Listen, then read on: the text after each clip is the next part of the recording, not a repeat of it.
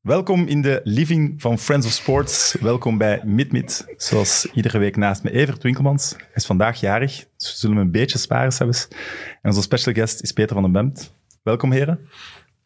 Peter, heb jij naar Vandaag is Rood gekeken? Uh, nee.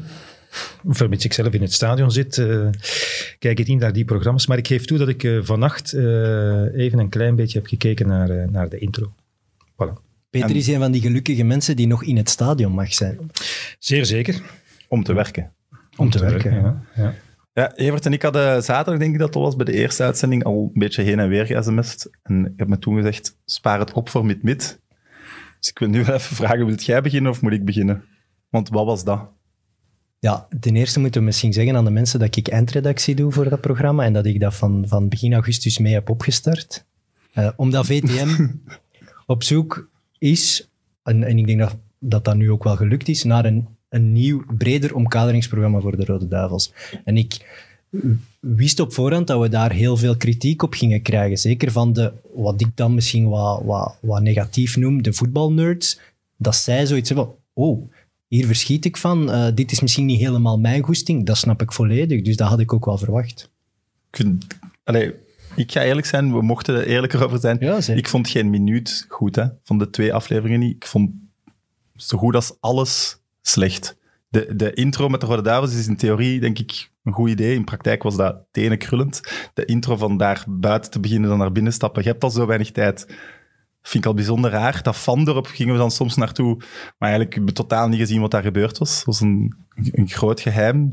Presentatie die honderd keer zegt, we doen het hier chill, we doen het hier casual. maar die het zo vaak herhaalt dat het totaal niet meer chill en casual en natuurlijk was. En hier, uh, iedereen vijf euro op zak voor onze pronostiek, want wij doen het cafépraat. Het, was, het was gewoon awkward. Het was ja, maar je vond storend. Gewoon, je vond gewoon elk format-element slecht. Het was ook te veel. Het was, het was, een, maar het was toch niet te veel? Het was een voetbalprogramma dat laag begaafd was en ADHD heeft, denk ik. Want alles zat erin en niks goed, vond ik. Oké dan gaat het puur... Kijk naar wat we over voetbal hebben gezegd en de voetbalanalyse die we gedaan hebben met Jan Mulder en Mark de Jan Mulder wordt onderbroken in de rust. Ja, maar dat gebeurt in elk programma. Hè, ja, maar wel met dan te zeggen dat Ries op niks, op niks trok terwijl hij de beste man op het veld was. Maar dat hebben we daarna toch aangetoond met beelden, dat Ries Mertens, ik weet niet hoe goed gespeeld heeft in de tweede helft. Ja, maar in de eerste helft was hem ook al... Maar we hebben toch die vrije trap laten zien waaruit die goal komt. Dus ik, ik zag in voetbalanalyse zag ik echt het probleem niet. We hebben met Jan Mulder en Mark de Grijze twee van de sterkste mensen daarin. Waar je ook zelf al een breed gamma mee kunt doen. Die hebben hun minuten gehad. Je kunt zeggen, oké, tijdens de rust niet. Maar dat is nu eenmaal de wetmatigheid van een commerciële zender dat je veel reclame hebt. Maar daarna, na de match, hebben wij meer dan 20 minuten voetbalanalyse gedaan, waarin dat wij Doku geanalyseerd hebben. Mertens, De Bruyne, uh, met statistieken. Met, alleen... Fantastische interviews worden die twee interviews genoemd. Dat zijn geen fantastische interviews, dat is een leuke gimmick. Het is anders een voetballer op een andere manier in beeld brengen. Dat begrijp ik. Maar noem dat dan al niet fantastische interviews. Ook als je, Semantiek als je het, Nee, dat, dat, doet heel veel. Het is een commerciële zender. Hè. Bedoel, wij, het is onze plicht ook ergens om, om het publiek geëngageerd te houden. En dat doet je soms door heel veel... Maar dus het interview van Wouters. Te gebruiken. Hij vraagt moeilijke periode van Vertongen onder Mourinho. De transfer naar Benfica, de rol van de familie daarin. Dat zijn letterlijk dezelfde vragen als je Geert de Vlieger of andere journalisten. Dat zijn letterlijk dezelfde vragen. dus nu, doe niet alsof dan... dan dat is een uh, ander element. Ik heb niks tegen jullie van de Steen. En heel erg dat ze daarvoor voor nu zo hard wordt aangepakt. Dat trouwens een zeer knappe vrouw. Maar ja, by the way. Maar dat rubriekje, waarom moet hij daar dan de hele tijd zitten? Laat hij toch na de match aanschuiven met, ah, ik had trouwens een gespreksje met... Oh. Ik vond dat trouwens een heel goede reportage met Carrasco. Ik heb Carrasco nog nooit zo gezien. Zeg mij waar dat hij zo ontspannen, zo, zo rustig in een, in een interview heeft gezeten. Ik heb dat nog nergens zo gezien. Ja, maar dat is het om de discussie breder te trekken en te zeggen dat wij daar iets fout hebben gedaan, dat vind ik helemaal niet. Wij hebben geen negatieve keuze gemaakt of iets slecht gedaan. Wij hebben iets gedaan en jij mocht dat goed of slecht vinden. Dank u. We hebben een positieve keuze gemaakt. Wat onze podcast heeft, is dat jij, die uit, als met uw voetbalhart praat, er is maar één slachtoffer in heel dit ding en dat is de voetbalfan die een match van de Rode Duivels opzet en dit allemaal Slachtoffer? Krijgt. Tuurlijk, uw maar, publiek. We hebben Jan en Mark meer dan 20 minuten voetbalanalyse gegeven. We hebben voor de match de sfeer gevoeld overal. Allee, we hebben echt wel gewoon ook de voetbalfan bediend. Maar sommige mensen willen dat niet meer zien, omdat ze alleen maar zien Julie van de Steen zit daar en die geeft toe dat ze niet zoveel naar voetbal kijkt. Wat een ramp. Dat is toch niet zo erg? Rode Duivels is er voor iedereen. Hè? We moeten dat respecteren. Ik ben blij dat ik er niets moet over zeggen. Wanneer krijgen we... Alleen wil ik wel zeggen dat niet iedereen die een normaal voetbalprogramma wil, als ik dat zo meteen door jou als voetbalnerd moet bestempeld worden. Wij zijn voetbalnerds, Ja. maar je hebt ook de gewone voetballiefhebber Ja, die een voetbalprogramma wil, zoals een, eh, een boekenliefhebber een boekenprogramma wil en een, en een, eh, een filmliefhebber een filmprogramma wil.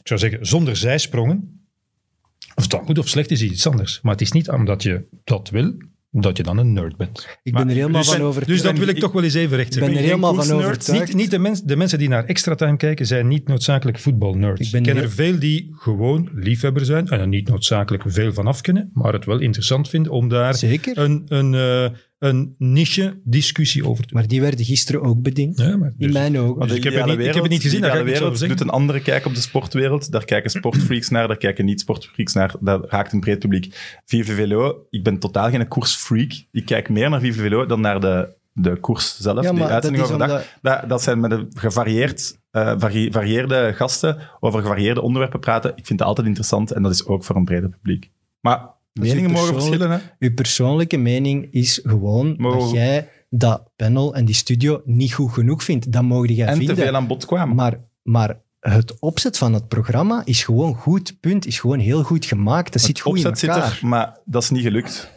Maar dat is misschien ook normaal, dus het moet nog groeien ook. Kijk, zo'n als jij programma. vindt dat dat niet gelukt is, dan moet jij niet kijken. Maar ik denk Ja, maar dat er dat heel veel ik. mensen zijn ik, die wel mijn- willen mijn rode kijken. duivels toch? ook, hè? Ja, maar jij hebt toch kunnen genieten van die wedstrijd op een professionele manier omkaderd. We hebben, we hebben heel veel voetbal. Allee, nogmaals, ik ga niet nog eens alle argumenten opnoemen. Maar dat was gewoon een goed voetbalprogramma met inderdaad een extra touch entertainment en, en misschien een iets andere insteek op de voetbalsport. Maar dat vind ik echt niet verkeerd. Maar we spreken af. Ik kijk volgende, volgende maand is zeker terug. terug Drie van nul. Terug van nul. En eh, open vizier. Open blik, ja. Open Voilà. blik, dat wil ik echt wel vragen aan de mensen. Oké, nu genoeg over het werk. Stel voor dat we naar onze favoriete hobby gaan. De Meet Meet podcast. Friends of Sports.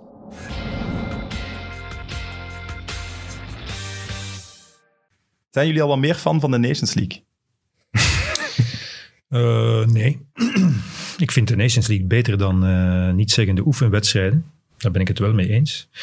Maar laten we zeggen, ik ben eh, zeker geen fan van de Nations League op dit moment.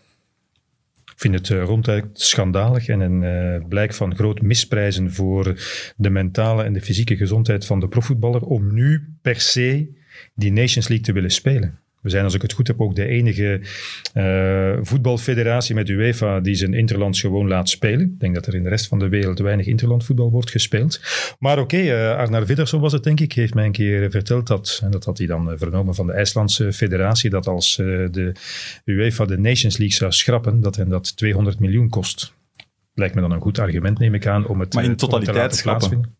Want Ja. misschien hadden ze wel gewoon kunnen zeggen... de- deze keer geen heen en terug. Nee, nee, of, Ik, ik heb het nu over deze editie schrappen door, Ah, door ja, sp- specifieke omstandigheden van, eh, van eh, corona. Je hebt, allee, je, hebt, je hebt nu zitten voetballen met eh, voetballers die of maanden niet gespeeld hadden, die nog niet getraind hadden, die lang hebben doorgespeeld, dat soort dingen. Dus dat is totaal onverantwoord. En de, de weerslag daarvan gaan we natuurlijk niet nu en volgende week of binnen een maand eh, eh, ondervinden, maar wel eind november of begin december. Dus nu, op zich eh, ben ik ook tegen de Nations League, omdat er per se ook een finale ronde moet aan eh, gekoppeld worden. En dat is dan net op een moment dat de voetballer een keer rust zou kunnen hebben. Mhm. In een onpaar jaar. En nu duwen ze dat daar dan toch nog bij. En straks komt ook nog het WK voor clubs eraan. Dus wat betreft het overladen van de kalender is dat nog maar een keer een stap erbij. En we hebben een beetje pech gehad, denk ik, met, eh, met de Belgische nationale ploeg. Dat we de vorige keer toch in een wat eh, trieste poelen zaten. Mhm. En nu in een iets minder trieste poelen. Maar oké, als ik dan kijk op donderdag naar, eh, naar Duitsland-Spanje, stonden ook veel wisselspelers bij wijze van spreken op het, op het veld. hè. Zonder die van Bayern München bijvoorbeeld. Dat was best wel een goede wedstrijd, eh, wedstrijd vind ik. Maar Het is een beetje een wedloop, denk ik, tussen FIFA en UEFA. Ja, ja. Van wie kan er de meeste interlands organiseren? En wie Ja, kan het meeste niet- geld verdienen? Ja, ik denk vooral dat. Ja. Want ik denk dat FIFA nu wel jaloers kijkt naar hoe UEFA er toch altijd in slaagt om goede Europese competities die heel veel verdienen. Nou, FIFA Ja, heeft een plan, hè. FIFA komt met een tegenzet en dat weet UEFA. En daarom hebben ze een voorafname genomen en nu al snel de U Nations League op poten gezet. Want FIFA wil eigenlijk een overkoepelend, eh, wederkerend WK creëren. En, en UEFA ja, zit gevangen en zegt van oké, laat ons snel hier werk van maken, het geld uit de markt nemen. En jammer genoeg lukt het toen ook. Want wij kijken ernaar, er wordt gevoetbald. De sterren waren er wel voor een groot stuk. En we hebben ook Lukaku en De Bruyne bezig gezien. Dus die voetballers die treden gewoon op. Eigenlijk zouden zij echt wel een keer moeten kunnen overleggen en zeggen, we, we doen dat niet, we spelen niet. Maar ik weet dat dat heel moeilijk is. Ja. Hoe, eh, welke indruk maakte de Rode Duivels? Ja, ik vind dat onwaarschijnlijk dat wij eraan gewend zijn geraakt dat die zo makkelijk wedstrijden winnen. Zeker Denemarken is echt wel nog een, een oké Nee, ploeg. Engeland, is, Engeland is er niet kunnen gaan winnen. Nee, en, en vroeger, allee, vroeger, nog niet zo lang geleden, was Denemarken een, eh, een pittige wedstrijd, 90 minuten scherp van de snee. En nu heb je nooit het moment dat wij daar in de problemen gaan komen. Dat, is echt, dat blijft heel straf. Hebt u bedenkingen daarover? Of? Ehm, wel, ik vond dat twee weinig opwindende wedstrijden. Geheel in, het, eh, in de lijn van wat we daarvan nu mogen verwachten, vind ik. Dus je kan hem dat niet kwalijk nemen. Ik vond de eerste helft gisteren gewoon slecht. Tegen de reserve van IJsland. Er zijn 15.000 mannelijke voetballers. En 5, 6, 7 van hun betere, wat dat dan voorstelt, beter mag er geen enkele meedoen bij de reserve van de Rode Duivels, waren daar niet bij. Dus ik vond dat gewoon slecht. Maar nog eens, alle begrip daar ook voor. Maar ik vind Daar wel dat, we, ik vind wel dat we moeten kunnen zeggen dat het slecht was. Hè? Maar ik denk is dat dat ondertussen ook, denk dat ondertussen ook, mag je dat ook niet meer zeggen. Nee. Als het slecht is, dat het Ja, slecht is. dus iedereen is het erover eens. Deze ploeg is fantastisch. Het is ongezien dat wij met een klein land een dergelijke pleiade aan wereldspelers kunnen, te- kunnen produceren. Maar als ze slecht zijn, zijn ze wel slecht. Dus waar, de eerste helft, in de, eh, de eerste, het eerste kwartier, 20 minuten in Denemarken, hebben toch laten zien dat als een ploeg druk durft zetten op onze verdediging, dat er dan toch een beetje een probleem is bij het uitvoetballen. Dus dat mag je dan toch even aanstippen.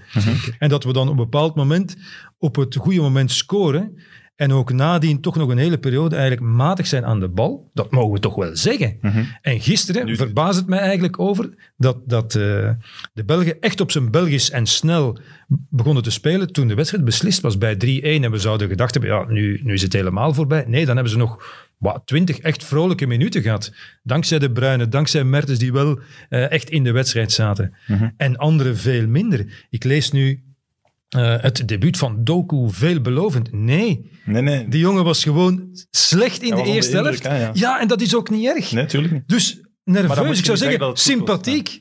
Hè, laat er drie, vier ballen wegspringen. Is niet één keer zijn man voorbij gaan in de hele eerste helft en ook een hele periode in de tweede helft. Heeft een knappe goal gemaakt. Dus ja, dat was een tegenvaller, dat debuut. Op dat doelpunt na en nog één goede ren en een goede voorzet. Hm. Maar dat is ook niet erger dan dat. Dus geen probleem, dat is logisch. Dus die doku komt er wel en dat is inderdaad een wissel op de toekomst. Maar ik vind wel, we moeten wel nog kunnen zeggen als het niet goed is. En nog eens, alle begrip daarvoor. En het is inderdaad veel zeggen. Het was, het was niet goed. Het was toch, toch nog 5-1 Hm. tegen IJsland. Dat, tegen dat, IJsland. daar, daar hebben ze wel. Ja, natuurlijk. Ja, maar dat is de grote Ja. kwaliteit, ook in Denemarken. Als het dan voetballend veel minder is, hè, als het niet loopt. hè, Tielemans heeft een hele poos gezocht om in de wedstrijd te komen. Nou, die was dat veel beter. Eh, Lukaku verloor heel veel duels uiteindelijk, toch? Mhm. Hè? Maar is dan wel twee, drie keer beslissend. Ja, dat is ook een kwaliteit van een absolute topteam. Dat als het moeilijk loopt, dat je toch een wedstrijd kan beslissen. Dat je die tegen die Denen in dat moeilijke begin, je komt dan aan de overkant, ja, toch een, een vrije trap, standaard situatie, die uitbuit, hebben we te weinig gedaan in het verleden. Mhm. Dus dat zijn allemaal positieve, positieve elementen. Maar je vergeeft ze veel, hè, deze duivels. Mhm. Zeker nu. Ik vind inderdaad, oké, ze starten heel laks tegen IJsland en tegen Denemarken, waar ze zeker wat met die druk hadden ze ook problemen in dat uitvoetballen. Maar je vergeeft hen dat, omdat je dan over de totale 90 minuten wel voelt dat ze dat precies wel in de hand hebben. Ze, ze beseffen het op het veld ook, dat ze tegen Dat, slecht dat gevoel heb ik ook. waren. Het is niet de topclub die, die nooit mindere momenten Nee. heeft, maar ze zijn wel, en dat is misschien in vergelijking met de periode met Wilmots veranderd, ze kunnen wel het recht trekken over volledige 90 minuten. Ja, ze Dat zijn, gevoel heb ze ik zijn wel echt. natuurlijk ook eh, drie, vier jaar ouder en eh, matuurder dan in de periode eh, onder Mark Wilmots. Toen het toch nog alles bij elkaar een, een jong aanstormend elftal was. Hè, dat wel beter had moeten doen op het EK. Maar eh, dat het eigenlijk, eh, gelet op de onervarenheid op het WK, vind ik nog altijd in, in Brazilië best, eh, best goed heeft gedaan. Dus ja, ze zijn rijper. Het zijn allemaal late twintigers, dertigers die het allemaal al een keer hebben meegemaakt. Het Dus gaat die, ook die het wedstrijdmanagement eh, gewoon beter beheren. Het gaat misschien ook soms te gemakkelijk, denk ik wel. Als voetballer neem je dat toch automatisch mee, dat je, denk dat, dat je wel, zo ja, voelt van... ja, je begint thuis tegen IJsland, tegen de Ja. reserve, dus zeg ik nog een keer van IJsland, dat je dan minder scherp verdedigt, dat Bjarnason eigenlijk tot zijn grote verbazing drie keer met de bal mag wandelen tot aan de grote rechthoek. Ja, abnormaal is dat niet. Maar ik denk Dus wat, niet erger dan dat, maar wat- nog een keer, ja, je moet het wel durven, mogen, moeten mogen zeggen. Zwaar. Maar ik Heb denk soms moeten zeggen? wat zegt dat dat je wel waar is. Ja, uiteraard. Ja? Ja, ja, tuurlijk. Je mag over deze duivels geen, geen kwaad woord meer. En als ik dan sommige verslagen daarvan lees, dan denk ik, ja, die hebben waarschijnlijk met de rug naar het veld gezeten. Dus ja, vind ik, vind ik, vind ik zeer vreemd. Maar is, Dat is ook, dat is ook op, een, op de eindronde van een groot toernooi zo. gaat de voetbalbond Dus iedereen dan- is het erover eens? Is dat dan bijvoorbeeld de voetbalbond die zegt, Peter, alsjeblieft een beetje positiever zijn? Nee, de, nee, de- Nee, nee. ik weet het De niet. hè. voetbalbond heeft mij nog niet gebeld daarover, maar ik wil maar zeggen, dat is dat is de goede gemeente. Ik zal het nu zeggen, het zijn misschien die mensen die naar jouw programma kijken, die dat niet begrijpen. Dat wij, ja, ondanks de populariteit en de sympathie en, eh, en het, eh, het, eh, het wereldniveau, ja, toch gewoon de analyse maken. Zoals op het 2K ook. Als, als, als Roberto Martinez bij mij in de studio komt zitten na Frankrijk, en zegt, we hadden gewoon vandaag pech. Ja, dan vind ik dat geen correcte analyse. Die heeft hij overigens een jaar later nog een keer gemaakt. Ja, pech met een paar momenten. Maar als je dan dezelfde analyse maakt, hè, met dezelfde bril wil kijken naar de wedstrijd tegen Brazilië. Ja, als ik Braziliaan ben, dan zeg ik, ja, wij hadden ook Wij pech hadden in het begin van de wedstrijd. Maar dat mogen we dan alweer niet zeggen, want dan ben je negatief. Maar da- Nee, dan ben je de objectief. duivels die ik daarover spreek, die zeggen wel allemaal eh, 50-50 die match. Als Inderdaad. Nee, maar spelen, winnen we die vijf keer en verliezen we die vijf keer. Wel, mijn, mijn Peter mening is, maar dat is, al- dat is maar alleen mijn, mijn e- eigen mening. Als je eh, nog tien keer dezelfde wedstrijd tegen, speelt tegen Brazilië, zou het toch kunnen dat je een keer of zeven verliest. En als je nog tien keer die wedstrijd speelt tegen Frankrijk, Hm. zou het toch kunnen... Meer wint. Hm? Dat je meer wint. Nee, nee. Nee, nee. Nee? Ik denk omdat je toch Dat we nooit hadden gewonnen. Ik denk dat je toch Ah, nee, no- nee, no- nooit. eh, Oké, maar... eh, maar, Maar daar is het toch ook het scoreverloop. het, dat hoog, het, hoogtepunt, het hoogtepunt van de Belgen was de match tegen Brazilië. Hm. En dan vergeten we nog Japan. Ja, ik denk, maar ik denk... Waar spelers, zelf, waar spelers zelf zeggen... Jan Vertongen zei het nog tegen mij. Hè, Roberto Martinez zei, we only need one goal. Wat juist is. Hè? Hij is ook gebleken, we only need one goal. Maar Vertongen zei, ja, maar hoe gingen we die maken? hoe gingen we die maken? Ah, wel ja, op die manier. Met geluk kan dat Dus, altijd. en nog een keer, het, om ver te geraken in een groot toernooi, heb je onderweg meeval nodig. Mhm. Het aller, allerbeste Spanje heeft ook geluk gehad op Amai, het EK tegen. Kroatië. Eh, eh, onderweg in, in, eh, in, eh, op de wereldbeker in, in, Zuid, Zuid, in Zuid-Afrika. sorry. Hm. Dus elk groot team heeft onderweg een klein beetje, ergens een klein beetje. Moet, Dus de ja, Belgen klopt. ook. Ja. Dus daar is niks mis mee. Alleen moet je dat mogen benoemen. Het is ook wel jammer... De, allee, jammer. We moeten het nog eens helemaal afmaken ook. Echt tot het einde. Ja, ik vind, ik vind uh, welk- er- er- er, wordt, er een beetje gezegd, ja, eh, deze generatie moet eh, een titel pakken om het werk af te maken. Wel, daar ben ik het dan weer niet mee eens. Deze generatie kan toch geweldig geweest zijn, schitterend, absolute top. Ja, en geen wereld- of Europees kampioen eh, zijn geweest, omdat ja, er ook maar ja. één is. Mhm. Hè, en je, je krijgt, hoeveel reële kansen heeft, heeft eh, deze generatie? Hè? Ik zou zeggen, Frankrijk kon beter, maar daar waren ze toch nog niet top. Dus je hebt dan, je hebt dan 18, Wales, hè. je hebt 20 en je hebt 22. Dus eh, ja, de Nations League tel ik niet mee. Hè. Roberto Martinez wil graag de Nations League. Oh, Maar goed, nee, ik neem aan dat de Rode Duivels, als zij dromen van een prijs, zal toch niet de Nations League zijn. Dus zoveel kansen krijg je niet. En je hebt, je hebt tegenstanders op het, op, het groot, op het allerhoogste niveau. Je hebt Duitsers en Spanjaarden, Brazilianen. Dus het, het is best mogelijk dat je geen Europees of Maar geen wereldkampioen ik- wordt. ik en dan weet- nog zal, Ja. zal dit toch een geweldige periode zijn. In Je moet je wel mijn- afvragen, welk land is zo goed als wij willen dat de Rode Duivels zijn? Dat is, dat Spanje, dat een ploeg had waarvan de helft de Champions League ook gewonnen dat jaar en zo. Allee, meerdere jaren zelfs. Dat is ongezien. Denemarken, Engeland ging er bijvoorbeeld niet winnen. En IJsland, wat Alderweireld zei in het interview ook, ja, die kwamen wel echt niet om te voetballen. Daar, ze forceren dan wel altijd hun dingen erdoor. Maar ik ben het met veel dingen eens, maar ik vind dat we in de analyse die we maken, moeten we daar ook wel zeggen... Ja, ja, ja. ja, ja. Maar, maar eh, goed, dat is wat eh, grote ploegen eh, al honderd jaar beleven. Hè? Dat Ja, kleine ploegen zich... Ik, zie, ik zie Frankrijk en zo toch ook vallen en moeilijkheden hebben. En, ja, ja, ja, maar dat is... Ja, ja, ja, zeker en vast. Zeker In, en vast. in mijn leven als fan weet ik wel dat dit een unieke periode is. En dan wil ik dat wel eens meemaken dat we echt die titel binnenhalen. Want dat weet je dat maar één keer in je leven kan gebeuren. En het zal nu moeten zijn. Maar Want het is iets anders tussen... het- we gaan geen betere selectie meer hebben, vrees ik. Nee, zoals, het is iets anders tussen het graag willen. Ja, uiteraard. maar dan eh, de, de generatie duivels daarop afrekenen, dat zou ik niet correct vinden. eigenlijk. Nee.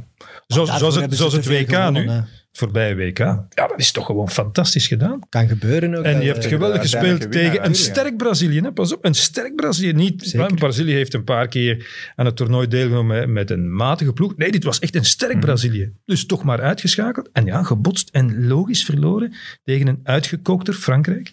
Dat ook al hè, het finale had gespeeld eh, twee Dat, jaar dat eerder. blijf ik ook zeggen. Ja, maar Daar hebben natuurlijk ze wel. veel uit Ja, maar natuurlijk wel. En dat niet te beroerd is geweest om zich aan te passen in functie van misschien wel een intrinsiek beter elftal. Ja, laat de Belgen maar in de En, en de. Fransen hebben hetzelfde. Ook in de, ook de, finale, hadden ze, de finale ze wel kunnen verliezen tegen Kroatië. Dat vind ik dan weer wel. Ja? Ja, Zeker het begin, de openingsfase was En de manier waarop ze op voorsprong kunnen komen. Ja, Ja, dat eh, vond ik ook. Ik vond ja, Kroatië echt... maar We ja, zijn wel ver van huis. Maar ja. De toekomst van de Rode Duivels. Misschien moeten we het daarover hebben. Eh, ik ben persoonlijk wel fan van Martinez.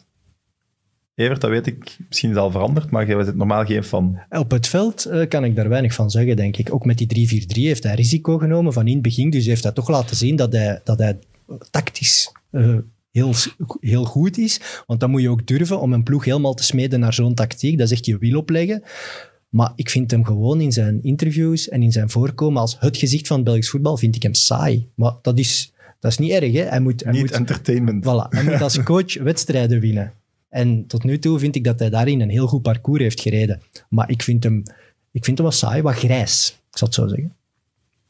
Ik vind wel, in de, de tactische keuze en zo, heeft hij wel achteraf gezien heel vaak gelijk Ja. gekregen. En dat is vaak geluk ook. Like Doku nu gisteren laten staan. Ja, die maakt dan zijn goal. Voor hetzelfde maakt hij die goal niet. Dan nog vind ik dan de juiste keuze om die te laten staan. Brazilië, Lukaku linksvoor, eh De Bruin op de negen. Ja, dat heeft wel uitgepakt. Dus ten opzichte van Wilmots zijn we zeker vooruit gegaan. Ik denk dat we, dat, dat wel algemeen de conclusie mag zijn. Eh, ja, dat is waar. Eh, dus, dus wat eh, het trainerschap van Roberto Martinez betreft, denk ik dat er geen opmerkingen te maken zijn.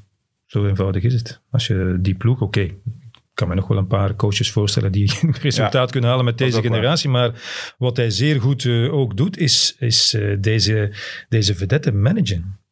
Zoals Vicente del Bosque dat ook deed met het grote Spanje. Was ook een soort management van een geweldig elftal dat je maar moeilijk slecht kan laten voetballen, neem ik aan. Maar, maar eh, en ook zoals hij ja, people manager ook is eh, tijdens zo'n groot toernooi. Veel minder rigide dan Mark Wilmos dat is geweest. Dus wat dat betreft, hè, wat, wat wedstrijdmanagement betreft, keuzes, eh, tactiek, eh, wedstrijdplan en het management van die Rode Duivels, ja, doet hij dat gewoon zeer, zeer goed. Zeer, zeer goed. En wat zijn communicatie betreft, ja, ben ik er geen fan van, dat is duidelijk. En dan niet zozeer omdat hij saai is, maar omdat hij voortdurend eh, verkeerde informatie geeft. Dus daar erger ik mij blauw aan Met opzet. omdat hij ook, omdat hij ook één, altijd de waarheid verbloemt door een soort positivisme, wat ik zelf vermoeiend vind. Maar door ook af en toe gewoon eh, eh, de waarheid niet te vertellen. Zo eenvoudig is het. En, en ik weet dat hij de, de pers ziet als de vijand. Heeft hij ook letterlijk een keer gezegd. Hè? The press is the enemy. Vind ik al een vreemde ingesteldheid. Lijkt mij ook geen gezonde attitude te zijn. Eh, ik weet wel, hij komt dan uit Engeland. Maar goed, wij zijn hier toch enigszins Daar, zijn, anders. daar is hij Maar- misschien iets anders gewend, maar ja. ehm, het ding is, eh, als hij eh, liegt, is het niet tegen ons. Want wij geven maar door. Maar is het tegen de fan die hij toch zo om de haverklap eh Maar wat, wat heeft hij nou prijst. gelogen? Maar nog maar van de week Courtois. Met eh, positieve en negatieve coronatest. In elk geval door te zeggen dat eh, Courtois terug is afgereisd naar Madrid, omdat hij als doelman met maar drie trainingen geen 90 minuten kan spelen. Ja. Dus dat vertelt hij zonder verpinken aan toch mensen die al een tijd in het voetbal zitten. En ik vraag me af of hij dan denkt dat wij dat inderdaad ook zeggen. Ah, inderdaad, ja, dat is waar. Geen, nee. Dus vind ik echt, eh, vind ik echt eh, beneden alle pijlen. En goed, de bondscoach eh, mag, mag vertellen wat hij wil. En wij mogen daar dan toch minstens nog van denken wat we willen. Dus wat dat betreft vind ik het, vind ik het verkeerd. Maar, dat- nog eens, ja. het allerbelangrijkste, dat doet hij natuurlijk wel zeer goed. De, hij, hij, is, hij beheerst ook de kunst om van elke tegenstander een wereldploeg te maken. Maar dat hebben we nog gedaan. Dus ook dat vind ik vermoeiend, maar dat vind ik op zich niet zo erg. Maar er is nog eens een voorbeeld geweest dat hij zei, ja, de Bruyne is onzeker. Maar goed, ja, ondertussen reed hij weg van, eh van eh Tubeken. En eh, was binnen de vijf minuten wist iedereen dat hij al lang weg was. Ja, dat vind ik, niet, dat vind ik gewoon niet correct. vind ik gewoon niet correct.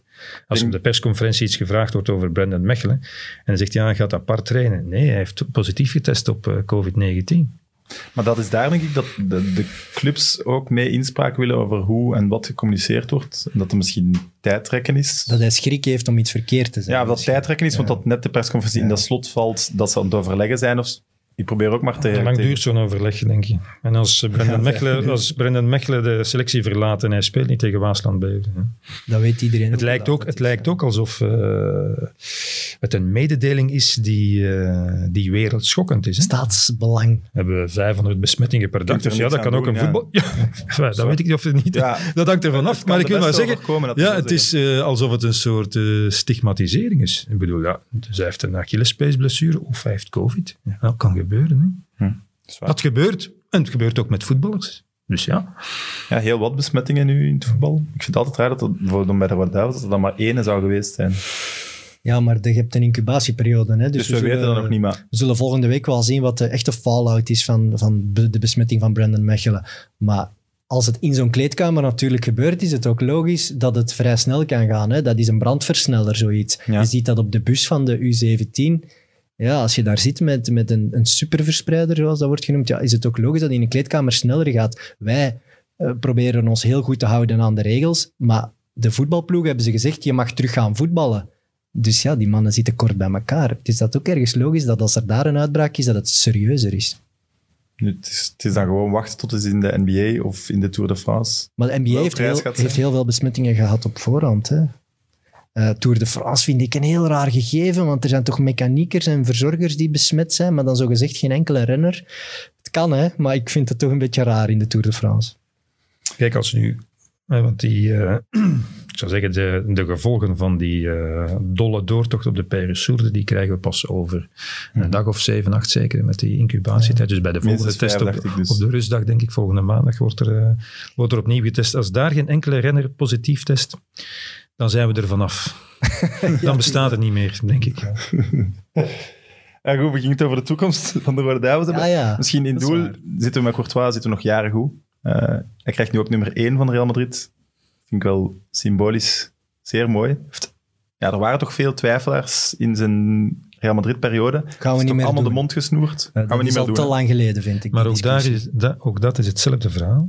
Je moet het Ik mogen denk, ik, denk, ik denk dat niemand twijfelt aan Courtois, of twijfelde, behalve de Spanjaarden. Maar goed, dat trekken we ons niet, dat is eh, zwart-wit. maar eh, hij was in die periode dat hij bekritiseerd, werd- bekritiseerd werd niet goed, of minder goed. Erger is het niet. Dus niet zeggen van, ja, toen werd ik... Nee, hij was toen niet goed genoeg. En nadien veel beter. En, en, en en in het tweede jaar weer absolute top.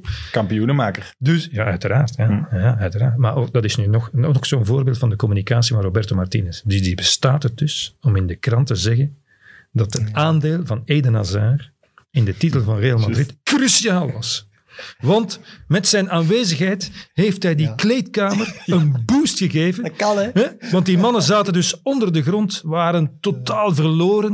Het zijn ook allemaal onervaren jongens, zoals, eh, Nog niks eh, gewonnen, hè. Nog zoals. Courtois zelf en, en eh, eh, Ramos, Benzema, Kroos, Modric. En, dus die hadden natuurlijk de aanwezigheid van Eden en Hazard nodig om zich weer eh, goed te voelen en om dan, en oké, heeft maar twee matchen meegemaakt, maar nadien waren ze vertrokken, dus met andere woorden, ze geraakten niet boven en Hazard heeft het over de top geduwd en dan was het naar beneden, ja, was het gemakkelijk om kampioen te worden. Kun je maar zeggen, ja. Ja, Alsjeblieft. Nee, maar ja. Ja. En is- ik, begrijp dat je wat wil vertellen en je spelers wil beschermen, maar Wie is onze derde doelman? Kasteels of Van Krombrugge? Ah, ja, zo, ja, ik ben een grote Van Krombrugge fan. Hè. Dat, heb ik hier al elke week probeer ik dat te verdedigen. Niet alleen omdat hij fan is van KV Mechelen, maar ook gewoon omdat hij een goede doelman is. En omdat ik hem een fantastische uitstraling vind hebben. Dat is nu eens een gast. Als, ik, als ze zeggen, kom een interview met Van Krombrugge, dan ga ik kijken. Ik vind dat echt gewoon een goede gast. Maar of dan, Ja, Ik vind het Kind Kasteels. Ik ben- ben daarmee eens, ja. Dus, ja dus inderdaad. Dat Als is, dat een moeilijke, moeilijke keuze die we wellicht niet gaan moeten maken. Want tegen dat eh, Courtois en, eh, en in tweede lijn Mignolet, want dat is voor mij toch nog altijd de nummer twee, ook met voorsprong op de nummer drie. Eh, tegen dat die ermee stoppen, dan zal het misschien weer aan andere doelmannen zijn die daarachter komen. Denk ik dan. Lijkt mij ook. Dat is de pech voor... eh, maar een absolute wereldkeeper zoals Courtois is ook gewoon zeldzaam. Dus als je daar van een 10 naar een 8 gaat, dan doen we het nog altijd heel goed. Wat Van der denk- Voort? Mignolet zeker een, zeker een 8 is. En Van de Voort wordt van gezegd dat dat een heel groot talent is, maar ja. Ik heb van horen zeggen, heb ik ook... eh, Dat sting wel bij Courtois. Dat, was, allee, dat zag zelfs de, de VTM-kijker, had meteen gezien hoe goed dat Courtois... Ja, dat was meteen indrukwekkend. Hè. is niet meer teruggevallen, hè. Van bij zijn tijd bij Racing Genk bedoel je? Ja, Ja, ja. dat was... Jaar één, hè. Ja, Dus ook dat was daar, ook onwaarschijnlijk. daar was hij al kampioen Ja, maken op tuurlijk. zijn 19. Dat is onwaarschijnlijk. Ja, in die testwedstrijden of ja, tegenstander. ja. Dus- Er zijn andere posities die, Of die de, de moeilijk- slotwedstrijd, niet de test. De verdediging, is het volgende puntje. Co- Compagnie is dan weg. Het gaat toch gewoon minder zijn. Ja. Enfin, alles, En wie- bijna alles gaat gewoon minder zijn. Maar als je het ook, ook, eh, ook dat is zoals het eh, ongelooflijk is dat we met Compagnie, Vermalen, Vertongen, Alderweireld eigenlijk vier Toppers. centrale, zal ik zeggen, verdedigers van, van wereldklasse hadden. Ja, gaat dat allemaal een beetje minder zijn? Ik denk toch niet dat we de Nair beledigen als we zeggen dat hij wellicht niet het niveau van Vincent Compagnie zal halen. Een Het hele feit goede. dat hij vergeleken Maar- ermee wordt, vind ik... Ja, maar, dat, maar goed, dat heeft er gewoon mee te maken omdat hij nu toevallig ja, op die positie en dan komt in de plaats van. En, eh, Hij gaat het moeten doen, hè. ja, maar, maar dat is solide. Boyata is ook al wel een beetje ouder. Dus dan, dan komen we toch uit bij, bij Bornau en, en eh, eh, Van Heuzen. Ja. Maar Ja, het, zal, het, zal, nog- ja, het zal nog moeten Jij blijken. op voornaambasis. Het zal nog moeten blijken eh, welk niveau op het internationale niveau dat die dan, eh, dan gaan halen. Maar het, eh, het zal een beetje minder zijn. Maar daarom, nog een keer, wat, wat hij heeft ook heeft gezegd, we gaan ook de volgende generatie niet terugvallen naar plaats 75 op de wereldranglijst. Dat Nee. gaat er niet meer gebeuren, denk ik. Maar ook omdat de, de Lukaku, Hazard, De Bruyne, daar zit nog wel wat in, hè. Ik denk dat we Vertongen, Vermalen, Mertens... Ja, ja, ja. Dat dat, ja, Fellaini, Dembele, die jongens zijn al wat gestopt. Ik denk ook wel, echt algemeen gezien, denk ik, dat, dat we gewoon ook met de jeugd eh, professioneler en beter bezig zijn, waardoor je toch meer kans hebt dat er een, dat er een goede speler doorstroomt. Dat denk ik echt. Ik denk dat het twintig jaar geleden toch anders was. Dat gevoel heb ik. Als ik zie hoe de Anderlecht met die jeugd bezig is, eh, Racing Genk blijft talenten afleveren, Club Brugge heeft enorm geïnvesteerd in dat jeugdcomplex. Ja, dat helpt gewoon om dan ook goede duivels te krijgen. Dat lijkt me logisch. Dus dat, dat sterkt mijn vertrouwen wel dat we altijd gaan meedoen om op grote toernooien aanwezig te zijn. Maar en misschien dat we binnen twee jaar spelen zoals Louis van Gaal in 2014 deed in Brazilië.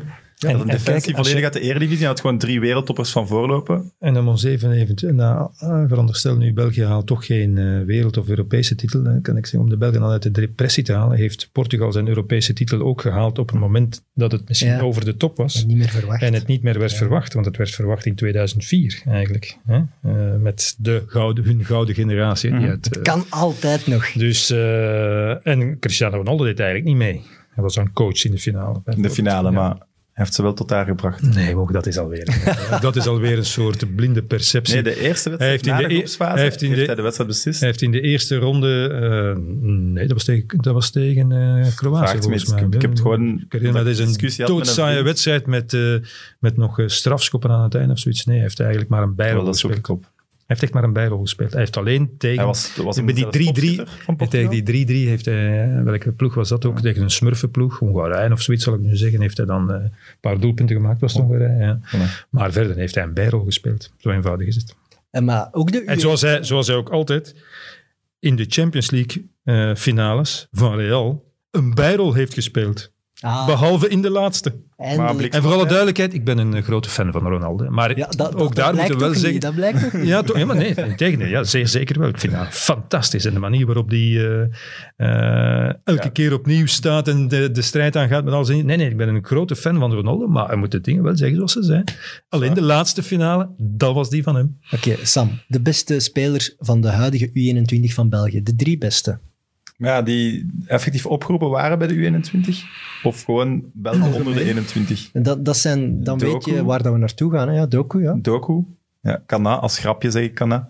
Eh, Die Mike Tresor heb ik nu eh, ik heb hem ketelaar? niet eens gezien, maar eh, Ja? En Chimier, schijnt, schijnt een geweldig de talent te ketelaar? zijn. De ketelaar, ja. En Lokonga. Hè, Sambi Lokonga. Aster Franks vind ik toch ook echt wel eh, potentieel tonen. Dus, En Lokonga wel moet wel gaan voetballen naar het contract dat hij gekregen heeft. Hè? Want eh, ja, oké.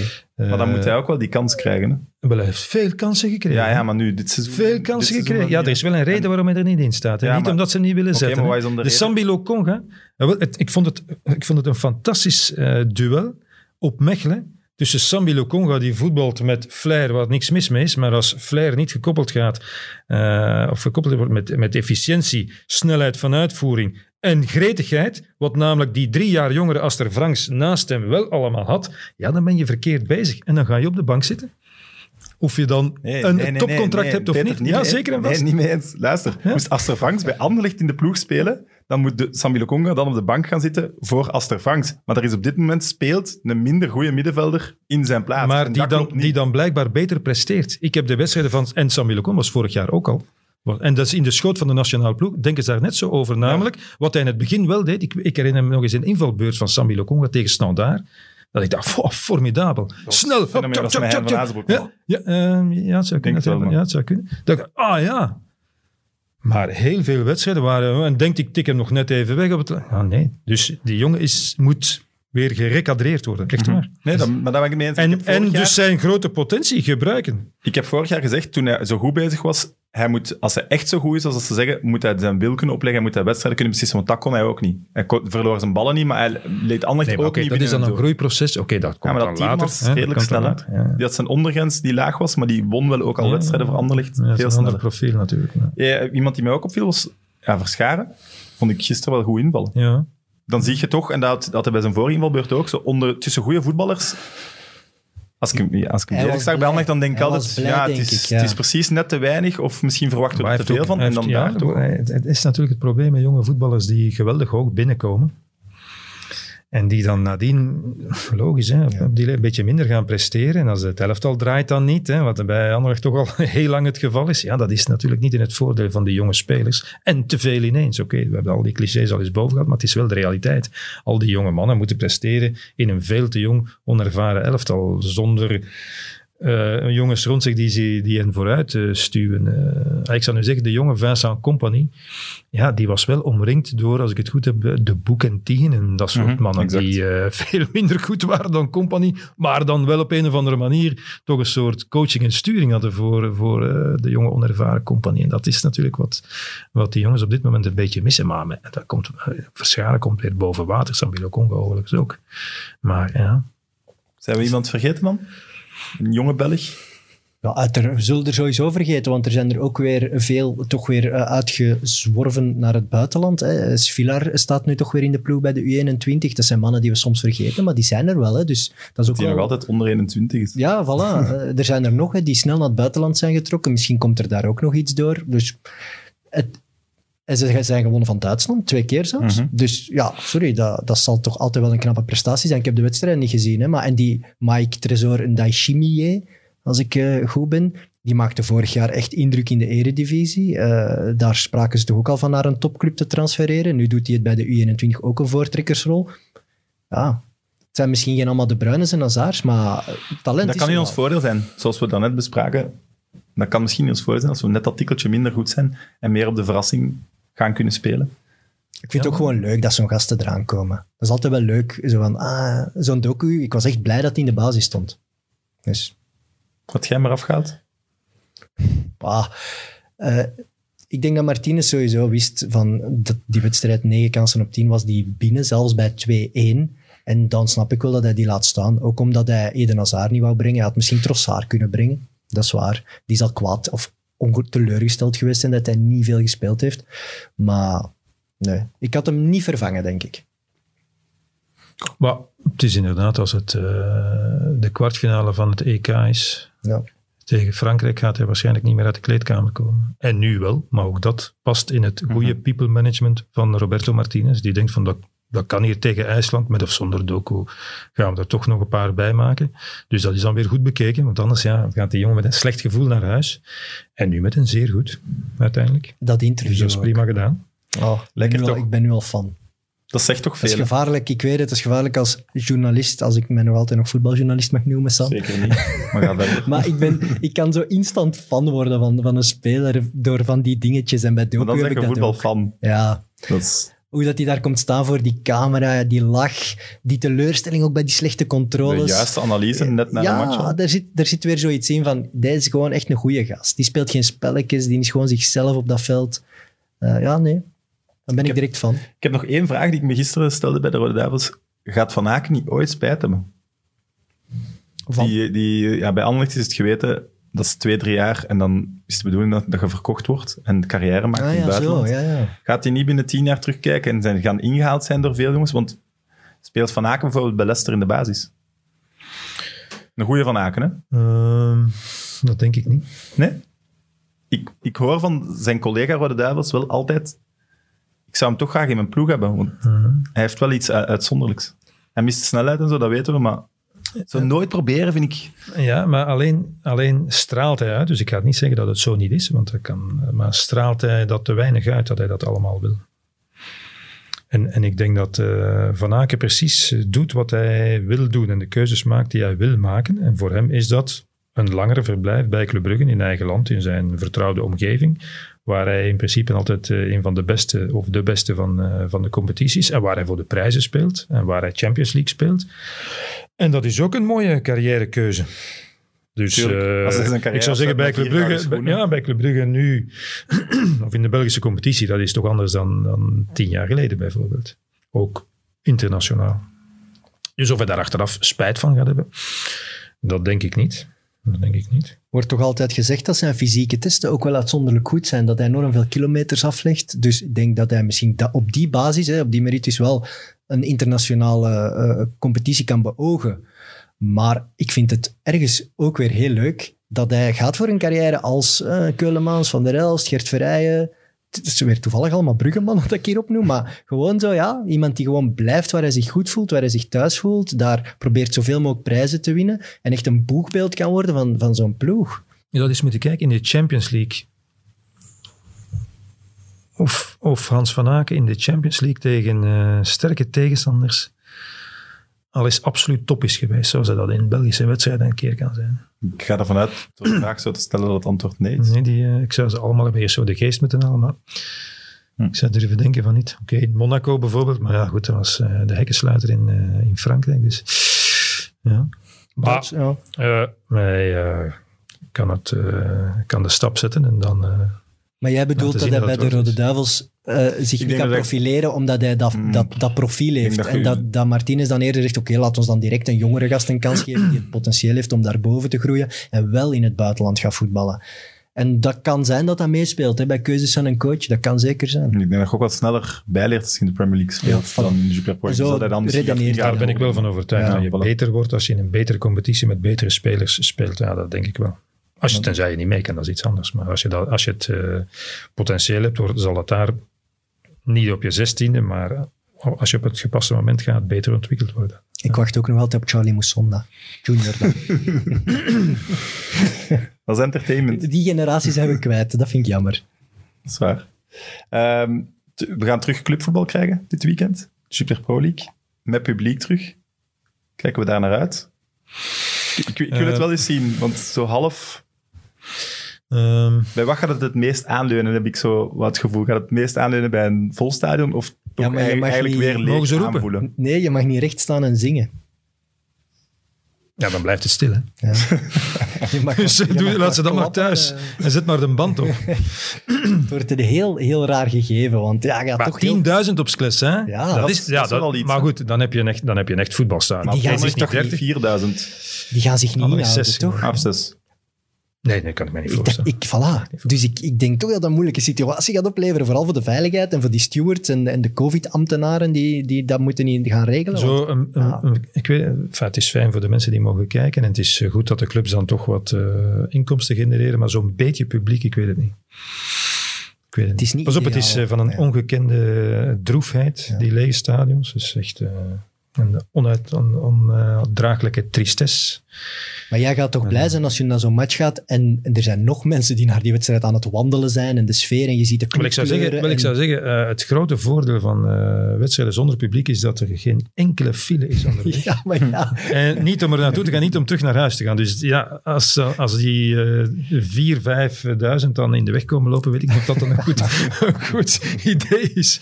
Maar ja, ik weet niet. Maar, maar goed, we gaan het, we gaan het zien. Misschien is het, eh, misschien is het wel leuk. eh, 1500 mensen op staaien die het verschillen. Maar misschien wel. Ik ga naar met mijn Oostende. Ik ben eh, gekozen In de, allee, als het protocol van KV Mechelen moet nog goedgekeurd worden Ja, door vandaag, Metz ik, of ja. zoiets, maar En hoeveel mensen zijn er op KV? 4005 Ja, ja, of ja. 200, zoiets. Maar jij zit in de raad van de supportersraad. Ja. Ja, dan, dat is geregeld. Hè. Nee, nee, ik heb mij gewoon aangemeld zoals iedereen. En dat is mijn loting. En, en ja, ik ben erbij, dus ik ga kijken. En dan, ja. Ik ben blij dat dat, dan ik uw eerste vlog? gaan. Ja, daar zitten de mensen ook al lang op te wachten. Nee, maar ik ben wel blij dat ik terug kan gaan. En het gaat helemaal anders zijn, ik weet het. Maar het is ook wel een deel van mijn sociaal leven, om niet te zeggen een belangrijk deel van mijn sociaal leven. En ik heb het echt wel gemist. Snap ik. Eh, twee leuke transfergeruchten rond Belgische topclubs en Nederlanders. Bas Dost bij Club Brugge. Ja, juist. Dat zou Ik wel eens een schot in de roos kunnen zijn. Wel, ik moet zeggen, eh, ik heb die Bas Dost eh, bij verschillende ploegen zien spelen. En die speelde dan bij ploegen eh, die ik moest becommentariëren in het buitenland. En die heeft geen enkele keer indruk op mij.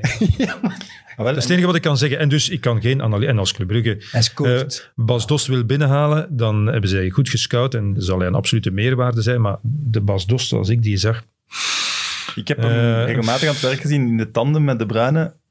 En die, dat, dat, Ah, ging, ja. dat ging vanzelf. Ja, dus Dus misschien met Van Maar daar scoorde hij heel veel hè, in heel da- veel. die tijd.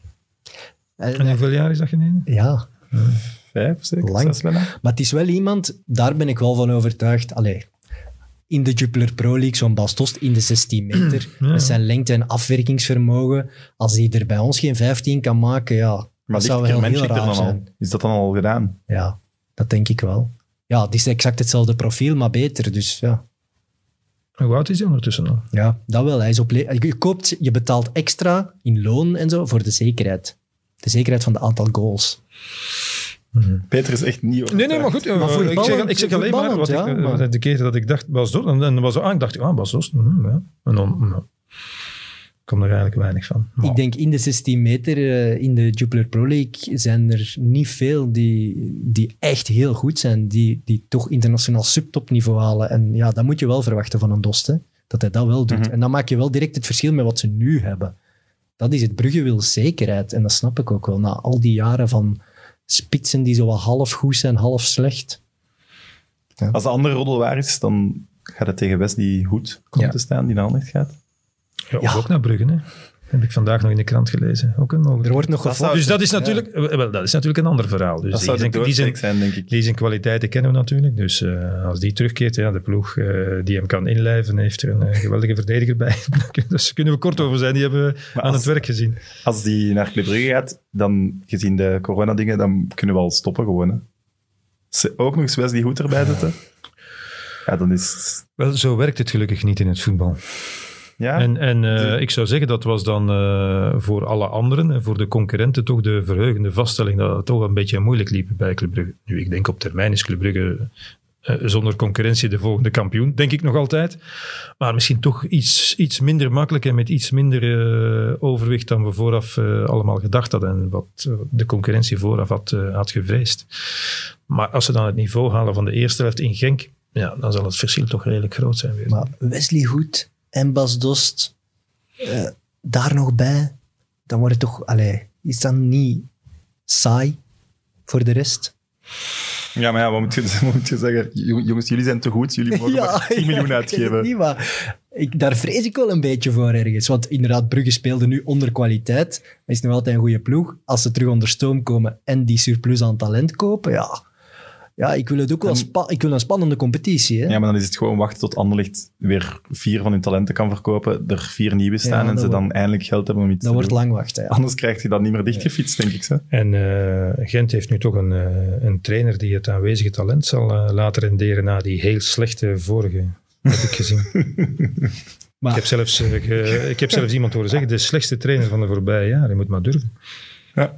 We hebben hem hier iedere, iedere week zitten aanprijzen voor het mooie voetbal dat Gent bracht. Ja, terecht. Ook dat ze als enigste tegen Club Brugge aanleunde. En het, het enige wat je als bestuurder van, van Torup mag zeggen of vinden, of eh, na een analyse, is dat, eh, dat je vond dat, eh, gelet op het feit van de vele tegendoelpunten, en dat er iets meer nodig was om de volgende stap te zetten en om dichter bij Club Brugge te schuiven. Dat mag. Oké. Maar natuurlijk, eh, ik denk dat Torup, de Belgische voetballiefhebber, de Gent-supporter en de Belgische voetballiefhebber ongelooflijk veel plezier heeft bijgebracht.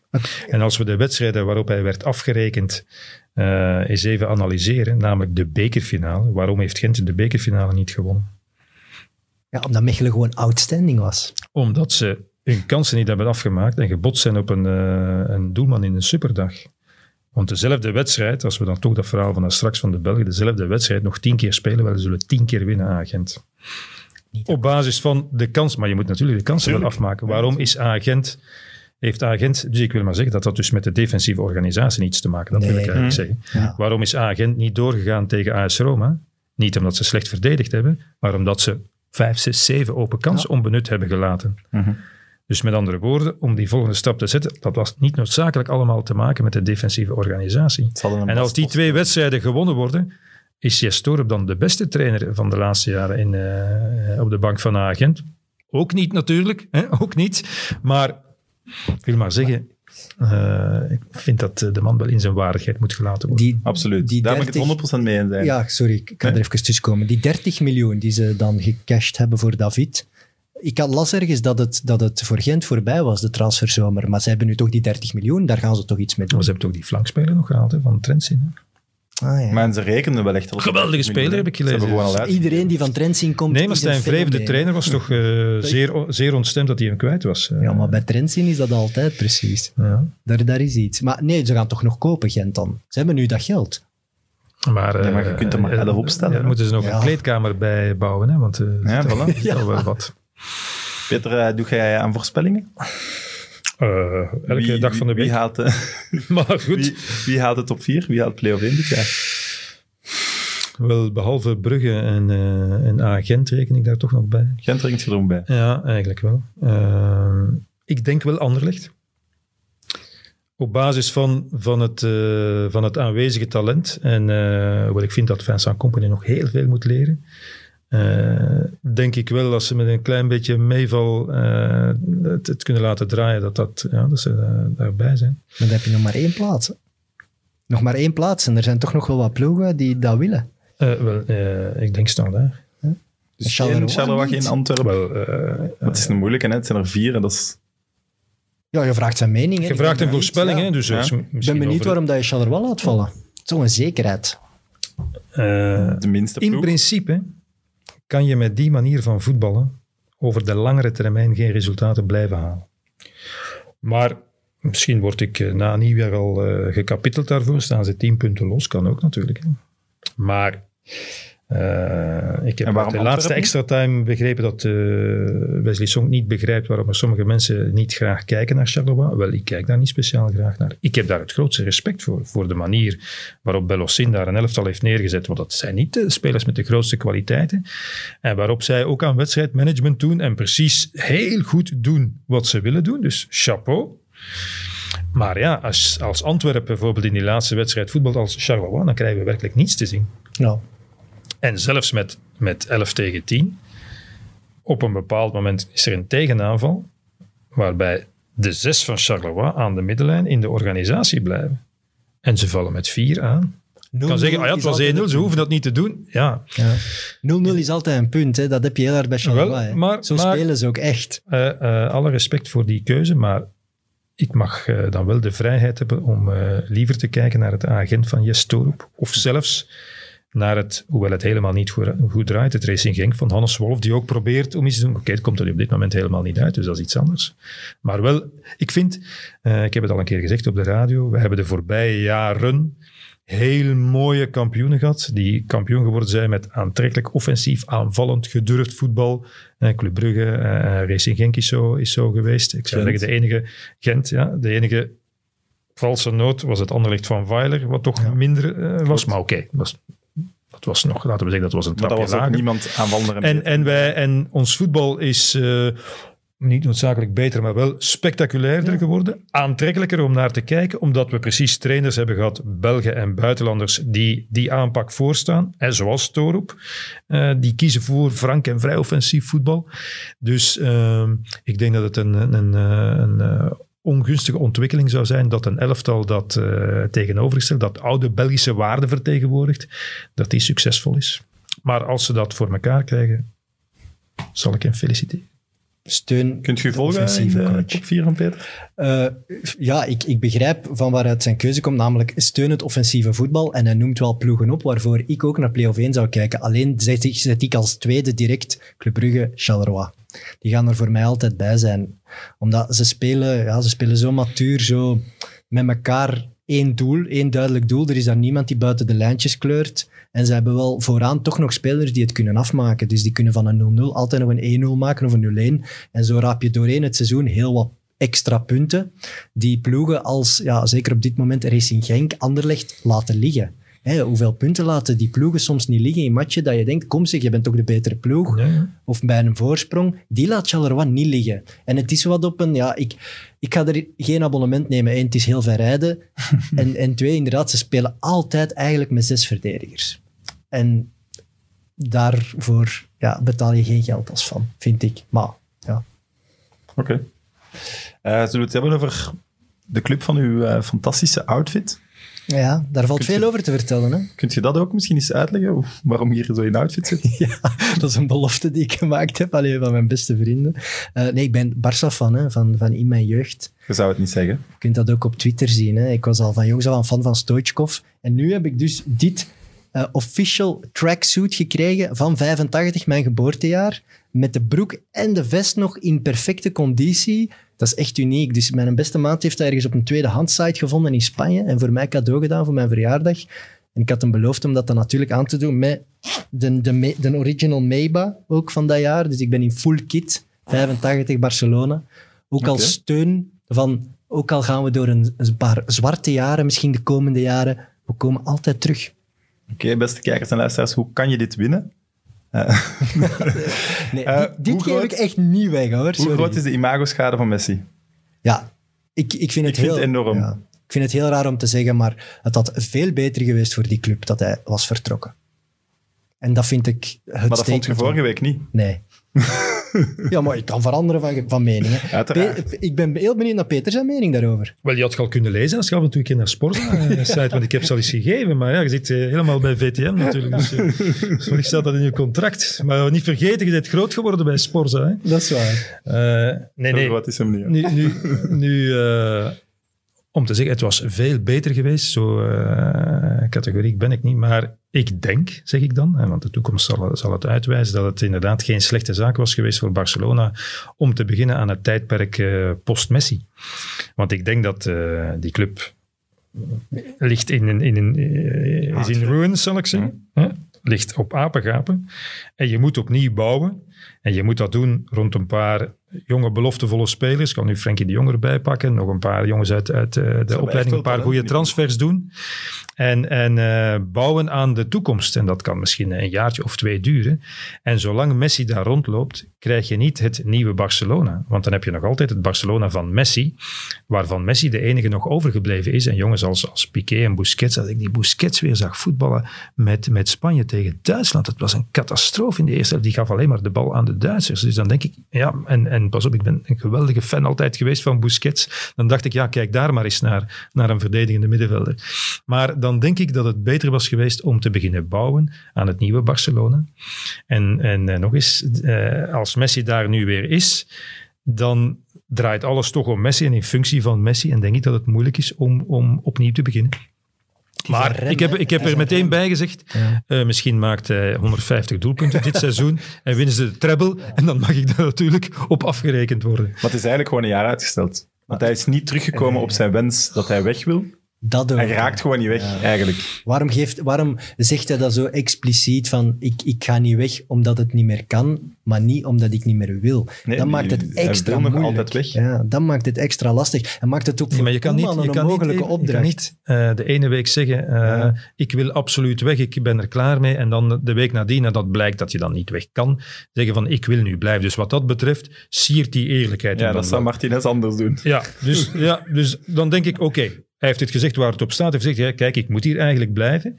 Maar dat wil niet zeggen dat hij dan... eh, enfin, ik denk dat in het verleden altijd is gebleken dat spelers die tegen hun zin moeten blijven, dat dat eh dan fiasco's moeten ze- zijn. Dan moeten ze hem toch nog Maar- verkopen de komende maand altijd- of zo. Nee, nee, maar ik denk, maar ik denk dat, eh, dat eh, Messi dan toch genoeg eh, Barcelona is om er dan toch eh, vol voor te gaan. En, als, en misschien dat heeft hij een klik met Koeman.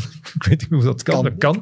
En, en eh, loopt het toch op een of andere manier. Maar ik vind wel dat hij de voorbije tijd eh, dingen heeft gezegd die wel steek houden natuurlijk. Ja, want hij zei al die Ja, vernederingen in de Champions League. Er is niet echt een project meer geweest. We deden maar wat allemaal. Maar daar is hij natuurlijk zelf ook... Hij is ook zelf onderdeel van de malaise. Ja, maar En iedereen zal zeggen, hij beslist er nog altijd wedstrijden voor. Maar ja, ook door de invloed die hij uitdoet in de kleedkamer. Ook door, door trainers naar de uitgang te duwen, dat soort dingen. Dus hij heeft zelf ook wel, ondanks al zijn verdiensten en ook al zijn prestaties die er zijn gebleven. Want laten we niet vergeten, ik ken zijn statistieken niet van buiten, maar er nog voor een, ja, ja, voor een gewone sterveling heeft hij nog altijd onwaarschijnlijk veel doelpunten gemaakt en assists. Maar eh, in, in vorige jaren volstond dat omdat er rond hem ook nog werd gepresteerd. Ja, en nu, nu een stuk minder natuurlijk. Nu dus komt die verkiezingen eraan. Maar Het kan wordt- goed zijn dat er, dat er wel voor zorgt dat hij wel gewoon zijn carrière bij Barcelona... Als de verkiezing er nu aankomt en eh, Victor Font. ja, Ja. Ja, ah, die gaat het sowieso halen. Dat kan nu niet meer anders. hè. De hashtag Bartomeu out is denk ik de meest gebruikte hashtag in Catalonië. Eh, met allerlei verwensingen er nog eens bij. Dus het zou een onwaarschijnlijke ommekeer zijn als die man ergens zich toch nog in die verkiezingsrace eh, eh, wurmelt. Maar het probleem met die verkiezingen is, die zijn ergens in maart of in Mhm. april.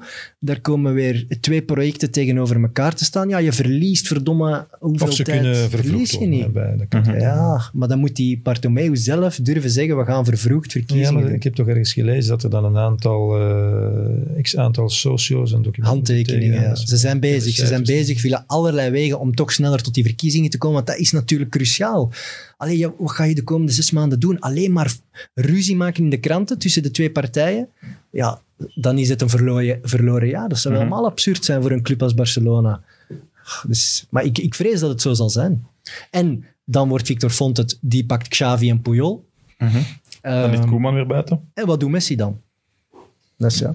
En is eh, ik hoor nu ook Thiago of Wijnaldum, daar is ook... Ja, Ja, als je zo reageert, dan denk ik dat er nog iets maar ik heb hier al eens gezegd. Hè, van, eh, het eerste wat Koeman niet mag doen, is, is Nederlanders gaan kopen. Ja, Wijnaldum en Depay zijn... Allee, hoort je wel te veel geruchten over, dus ik verwacht dat dat wel in orde komt gewoon. Maar Wijnaldum is geen Barcelona-speler. Die wordt nu, dat wordt nu al, door alle socials worden er nu al anti-Wijnaldum, en dat is erg, want dat is gewoon een oké voetballer, anti-Wijnaldum berichten geschreven, dus dat gaat niet matchen. Doe dat niet. Ja, maar we hadden het gesprek over dat de Champions League finale nu het voetbal, eh was dat Joost, 7.0 is.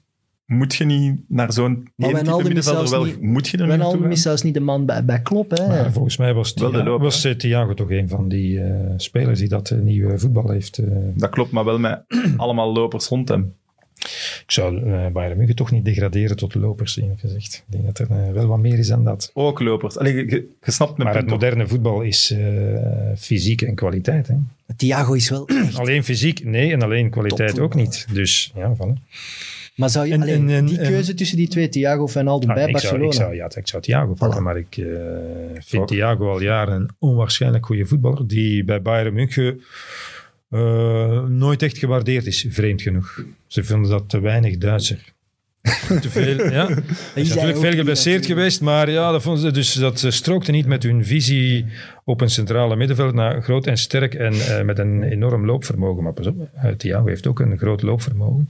Maar, En heeft ja, ook zij- veel gespeeld. maar zijn, zijn, eh, zijn vista en zijn snelheid van uitvoering en ook zijn eh, hardnekkigheid in de duels, ja, ik vind die wel... nee, dan zou ik zeker Thiago kiezen, uiteraard. En dat zijn ook de spelers waarvoor ik vind dat ze nu volop moeten gaan. Maar het kan nu financieel ook niet zoveel niet meer. Dus om de echte toppers... Maar die kan dus voor een uh, habbekrats weg. Hè, ja, want, eh, Thiago nu, Nu, eh, want, want 30, Bayern wilde, 35. wilde Havertz, oké, dat zal er niet van komen uiteraard, maar eh, wilde Havertz en de eerste die bovenaan de lijst stond op zoek naar wie moet er hier dan weg, was Thiago. Voor, eh, denk 30 of 40 is die te krijgen. Dan moet je toch nog eens gaan dubbelchecken. Want eh, als Bayern, Bayern München zegt dat een speler al weg moet, dan zijn er vaak wel redenen dat zij al bezig zijn met de volgende stap. Dus je mag als club moet je ervoor oppassen dat je niet de, de uitdijnende generatie koopt van andere clubs, snap je? Maar eh Suarez wordt nu genoemd bij Juventus. Ja. Die moest dan ook weg bij Barcelona. Ja, Juventus is zo'n club dat die mannen Die wel binnenhaalt. ja, die zitten daar niet mee in. Die... Nee, en die presteren daar altijd. Ja. Dus dat is echt, eh, als je op zoek bent Ja. voor, voor een goede voetballer naar eh, een waardig ouder worden plaats, wel, dat, daar kan dat. Leeftijd is daar, geen, is daar eh, geen bezwaar. En er zijn, ik kan niet meteen, maar misschien een voorbeeld opnoemen van een speler een beetje op leeftijd, die nog naar Juventus is gegaan en daar dan niet heeft gepresteerd. Dus er is op een of andere manier een soort omgeving daar in Turijn waarin die eh, dan toch gedijen. Dan heb ik het natuurlijk Goeie niet over, niet over hun, eh, hun verdedigers die al eh 50 jaar zijn nog altijd hebben gepresteerd, zoals Chiellini, Bonucci, eh, maar, maar Barzagli bijvoorbeeld. Buffon uiteraard, maar ook, ook daarvoor. eh, Mhm. Ja, op een of andere manier lukt dat daar wel. Het Italiaans voetbal is ook wel meer gebouwd rond spelers op leeftijd. hè. Ja. Die jonge, jonge spelers krijgen daar minder kansen. Dat is Omdat het wel nog altijd is waarschijnlijk. Ja. Maar eh, eh, waar ik dan heel erg naar uitkijk, is van, is dat, is dat nu echt waar? Van, dat zo'n dat zo Messi en Suarez zo'n goede vrienden zijn, dat dat een probleem vormt, dat zo'n Suarez, dat je daar tegen zegt op 4,35, ja kijk, het is misschien toch wel eens tijd om naar een andere club te gaan. Dat is toch niet zo erg? Ja, maar die, eh, ze reden samen naar de training. Hè. En Messi eh, checkt zijn eh, e-mails terwijl hij naar de training gevoerd wordt door Suarez. De e-mails van Messi. Messi checkt zijn eigen e-mails en wordt hij gevoerd door Suarez. En de vrouwen komen ook goed overeen. Het is altijd heel vervelend. Ja, maar ik vind dat dat dan toch wel Ik vind dat wat dat op hè, op dat je zo... echt klikt. Ja, alleen is je ook niet meer de spits van eh, Nee. drie, vier jaar geleden. Dat is de realiteit. Voilà, en dan mag je toch zeggen als club, kom, Louis, hey, het was plezant. Ja, maar dat is, Ga wat, je naar een dat, dat is wat ik bedoel met ook de invloed die Messi heeft uitgeoefend. Ja. Ah, ja. En, en ik denk, eh, als, als Messi er niet meer is, Griezmann kan zich ook ontplooien natuurlijk. We gaan het toch geen slechte voetballer noemen. Ja, dat was wel de absolute niet. vernedering. Dat zo'n Coutinho dan ook nog eens invalt en wat goals maakt Ja. tegen Barcelona, waar dat je eigenlijk drie, vier jaar transferbudget aan verspeeld hebt. Dat doet Maar echt pijn. Coutinho, Griezmann, eh, noem maar op. Daar, loopt, daar lopen er veel rond die Dembélé. het bij andere clubs wel echt gebracht hebben. Hè. Ja. En voor heel veel geld. Het is niet, Barcelona heeft waanzinnig veel geld uitgegeven.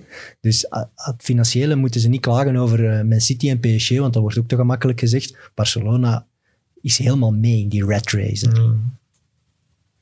Ik heb eh, nog twee vragen, Peter. Ja, want ik Dat- eh, moet ja, eh, naar een dat- volgende... laten gaan. Nee, nee, nee, nee, Eh, nee, nee, dat kan Jij niet. jij zegt vaak, ik laat mij vertellen. Ja, Wie vertelt u dan dingen? dus ja, informeer naar mijn bronnen. Of wat? Eh, Als ik zeg ik laat mij vertellen, dan is dat wat mensen mij vertellen. Dat, kan, eh, dat, zijn, dan, Mensen. dat zijn dan mensen uit het voetbal of van een club of van de, ik weet niet, een organisatie. Ja. Ik weet niet hoe ik dat anders moet formuleren, anders wil ik dat nee, maar ik vind dat, ik, dat, is, dat is een zin die ik vind dat past bij Peter van den Berg. Ja, dat wordt Nee, maar, ik eh, laat mij eh, vertellen, eh, ook als je hem nu net zei, dan wat kwam- viel het zo in zijn Maar dat van Messi was een grapje voor alle duidelijkheid. dus ik weet niet of we zijn mails checken, maar ze rijden wel samen naar de training, dat weet ik wel.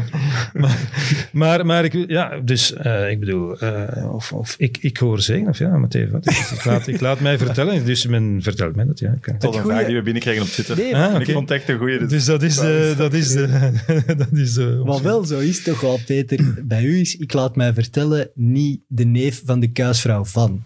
Dat is het wel. Eh, nee. Dat kunnen mensen wel weten bij Ja, u. dat is waar, Het ja. zijn wel, volgens mij, de A-figuren uit het voetbal. Waar dat jij je informatie haalt. En dat die maakt wel een verschil. Daarom luisteren mensen ook naar Peter en lezen die analyses, omdat we daar wel van kunnen uitgaan het dat het vervelende is vaak- zijn. Hè, als je met die mensen in contact staat, kan je het vaak niet zeggen. Maar zeg je dan ook niet bang dat er expres verkeerde informatie... Eh, dat zal mij zeker al overkomen zijn. Maar eh, eh, Niks. verkeer, verkeerde info- nee, niet eens verkeerde informatie. Ik heb nog nooit iemand geweten die mij verkeerde informatie heeft gegeven. Wel En jij wordt dit is het, gebruikt. maar- Maar, maar eh, zoals alle journalisten, kan het wel zijn dat iemand mij iets vertelt waarvan hij graag heeft Ja, dat het ja, uitkomt. zo. Mhm. Maar ik zou zeggen, geen probleem. Als het juist is. Niet dat je gebruikt wordt om een bepaalde Maar, maar dat is boodschap ook, door te maar dat- dat- sturen. ik zou zeggen, ja, dat is ook gebruikt. Hè? Hm. Hm. In zekere zin. Tuurlijk. Maar dat is dan, eh, ja, ik denk, zo werkt het natuurlijk ook. Hè? En als dat, als dat dan eh, eh, informatie is die negatief is of schadelijk voor iemand anders, ja, dan zal ik dat wel eerst eens aan de andere kant gaan, gaan checken. Want ik vertel natuurlijk niet zomaar altijd, eh, altijd alles. Maar, maar, maar eh, mijn stelling is altijd, hè, mensen denken dan, denken dan dat ik goed geïnformeerd ben. En ik zeg altijd, als ik 10%, 10 hè, Hm. weet van wat er gebeurt in het voetbal, zal het al veel zijn. Maar Dat Peter denk, is ik, wel dat denk mijn- ik, nee, dat denk ik echt, maar dat is nu niet. Dus 10% van wat er allemaal gebeurt bij Dat is niet veel. En, eh, Peter is wel mijn hoop eh, in de journalistiek om eh proper handen mee op te volgen. We zijn ermee bezig. Voilà. Want mensen denken dat het eh, stil ligt, wat niet helemaal juist is. Dus geduld. Eh, een andere vraag is, Joost was hier twee weken geleden, drie weken geleden, en die zei, ik vind het fantastisch dat niemand mij ooit gepusht heeft om op sociale media te gaan en reclame te maken. En jij zit sinds een jaar... Eh, ja, sinds nieuwjaar van vorig jaar, ja, ja. En dus mij hebben ze wel gepusht. Ja? Ja. Oké. En wie dan? Mijn, kind- mijn kinderen. Ah. dan, dan Maar ik vind het wel, om eerlijk te zijn, ik vind het, eh, ik vind het fantastisch. Maar Ik durf je de koning van Instagram. Maar dus ik ben, eh, maar ik ben, eh, dus ik ben, eh, ik gebruik helemaal geen sociale media, dus ik eh, volg het ook niet. Ik volg geen, geen Twitter of Facebook of eh, dus en Instagram ook niet. Maar ja, dat was een soort running gag geworden thuis. eh, om op Instagram te gaan. En dus ja, bij, bij wijze van, eh, ik weet we waren op reis. En ze waren daar weer eens over bezig. Ik zei dan, ja, is goed, eh, mijn nieuwjaar. En hoewel ik dat al lang vergeten was, zij niet. Dus werd ik vriendelijk verzocht om mijn... eh, Maar ik, Kort vind, na nieuwjaar was het denk ik zeker, hè? of net ervoor. ik had u mijn helemaal anders ingeschat. Ik En- en ik heb- ik- veel dus- serieuzer... eh, Ja, dat is entertainment, toch? Ja, de dat Instagram van, van dat is geslaagde voetbal. Dus, dus, ik, dus, ik heb mij, dus, ik heb mij, dus ik heb mij voorgenomen, eh, ik verkondig geen meningen over voetbal of over iets anders. Want Konijnenvoetbal. eh, over, eh, over iets anders verkondig ik mijn mening niet publiek. En over voetbal heb ik eh, genoeg fora. Ik kan het op sporza.be, op radio, televisie. Dus ik, ik hoef niet nog eens een medium om dan iets te zeggen. Dus dat doe ik niet. Eh, dus het is alleen maar gezever. En behind the scenes. En behind the scenes. Mensen, ja, dat Dat en, is en, sociale media. En, het zeggen, dat is ja, en mensen vinden dat, vinden dat prettig en verbazen zich hooglijk over wat ik dan allemaal uitspook. Maar mensen die mij, die mij privé kennen, die vinden dat minder eh, opmerkelijk, want ja, die kennen mij zo. Dus wat dat betreft is het, ja, ik zou zeggen, voor eh, mijn bescheiden aantal volgers is het prettig. En eh pas op, ik doe nog de moeite, want ja, als ik dan krijgt toch- je daar niet veel positieve... Jawel, jawel, jawel. Ja. Dus ik vind dat op zich een, een eh, eh, zeer positief, stimulerend medium. Oké. En eh, ik like ook, eh, iedereen die ik volg, ik like alles. Hè? Enfin, alles ja. dus, dus ik, geef, ik geef honderden likes per dag bij wijze van spreken als ik tijd heb. Soms heb ik geen tijd en dan... maar Dus ik stuur, en ik eh, stuur berichtjes, dus ik maak al dan niet geslaagde grappen als iemand zo bij die, eh, bij die stories en zo. Dus, eh, en dat doen mensen ook bij mij en dan ja, krijg ik natuurlijk heel veel reacties en ik doe dus de moeite om die ook nog te beantwoorden. Wat niet zo simpel is, want dus eerst moet ik die uit mijn verzoeken halen. Ja, ja. En dan daar een antwoordje op formuleren. Dus daar ben ik dan... Vandaar dat ik ook hè. maar eens om de zoveel maanden een, een story post eigenlijk. Pas op, want nu gaan misschien nog meer Ja, dat mensen zou kunnen. gaan dat zou kunnen. sturen. Maar ja, het te veel, als het te veel het natuurlijk. Maar ik had eigenlijk nog één groot project. eh, om nog eens zo'n eh, een filmpje te maken. Maar ja, het is, het is te ambitieus. En, eh, Ik help u graag. Dus te ambitieus Ja, bestaat nodig niet, hè? Dat het, is te, het is te moeilijk. Het is te moeilijk. Ja, ik heb, ik heb, dus mijn kinderen zijn natuurlijk wel het slachtoffer van hun eigen wens. Hè. Ja, ja. Is, Ja, ze, Ah, ze moeten is natuurlijk wel ja, opdraaien, ja, eh, opdraaien voor ja, mee productie. Hè, want ja, dus ik kan eh, zo die, die eh, tekeningetjes, zo, die memes of weet dat erop zit, dat kan ik nog ondertussen zelf. Productiehuis van de band. Maar eh, dus klankjes monteren met mijn zoon doen en foto's nemen met mijn dochter. Dus is- ja, ze zijn wel, ze zijn wel het meest slachtoffer van hun eigen wens. Dat is, eh, Het is, het is jammer dat je nu zegt dat je zoveel liked, want ineens volgde Peter mij en liked aan de Je foto van, trots, van hè? mij en mijn vriendin. Ja. Ik dacht, oh, wat is Ja. dit? Ik ah, dacht, ja. ik dacht zelfs... nee, je moet daar Allee, niks achter zoeken. Dus Die, die soms heb ik die, niet mitkomen. ja, soms heb ik die dat foto niet eens ja. gezien. Dan denk ik, doek, doek, doek, doek, doek. Nee, dat is, dat is niet waar. Nee, nee. Jij stuurde dat ook door. Ik zei, ja, Peter ja, kom, Peter, die wil duidelijk in het mit. We gaan hem meteen vragen. Behalve Dat dus wat ik, eh, weken geduurd. eh, eh, wat ik niet like, hè, want ja, je moet toch, je moet toch altijd een beetje op. Dus eh, alle berichten van, eh, van de clubs, die like ik niet. Oké. Staan Ja. want anders, ja, wel, dat Van begint, de band like dat de je foto Dus ik volg de ja. grote clubs. Dat snap Ik weet ook niet waarom, want ik, ik dacht, ah, daar haal ik informatie uit, maar dat blijkt niet het geval te zijn. Maar dus heb ik mij vooraf voorgenomen, want ja, dan zijn er toch mensen, ik kreeg zo al zes keer eh, bericht, ja, je volgt die clubs en je volgt Genk niet. Ik zei, ja, ik volg Genk wel. Nadien nog eens, ah, waarom volg je Genk niet? Ja, ik volg Genk wel, dus ik weet niet waarom die mensen zeggen dat ik Genk niet volg. Dus ja, ik krijg toch de hele tijd berichten van Genk. Misschien zit ik op een verkeerde. Maar dus kan. dat doe ik dan niet om niet eh, ja, te zien van, ah ja, je hebt daar die foto van Van Aken wel geliked en die van eh, die en niet. En, eh, dus, De voetbalfan is, is dus die like ik dan niet. En, en VRT Nieuws, die hebben er al genoeg, dat doe ik dan ook. Maar, dat- Maar zo. hoeveel Pas op, dat is soms wel eens raar als er dan zo'n foto verschijnt. Ik zal nu zeggen van eh een aanslag. Van een of andere naakte Ja, van een aanslag. Ah, oké, nee, het is totaal anders. kan je niet liken, hè? Ja, moet je dat dan liken? Nee, dat kan je niet liken. Ah, nee, kun je ik doe niet dat liken? niet. Ik doe dat niet. Dat is raar. Maar veel mensen doen dat wel om te tonen van ik, Facebook ik leef zo ermee mee. medeleven. Ah, leef mee. Ja, Ja, leef- medeleven. dat, moet dan, dat moet dan meer gespecificeerd worden. Maar het is, een, het is eigenlijk een hartje, dus je kunt een hartje geven. Ja, voor, Als ja. Ik vind dat ook moeilijk. Ik doe dat niet. Maar ik, ik had nog twee, Maar, maar, eh, twee korte vraagjes ook voor Peter. maar ik wil nog Dus één. Dus hè. eh, eh, mensen die mij goed kennen, die dachten van ja, eh, na een maand of drie is hij dat beu.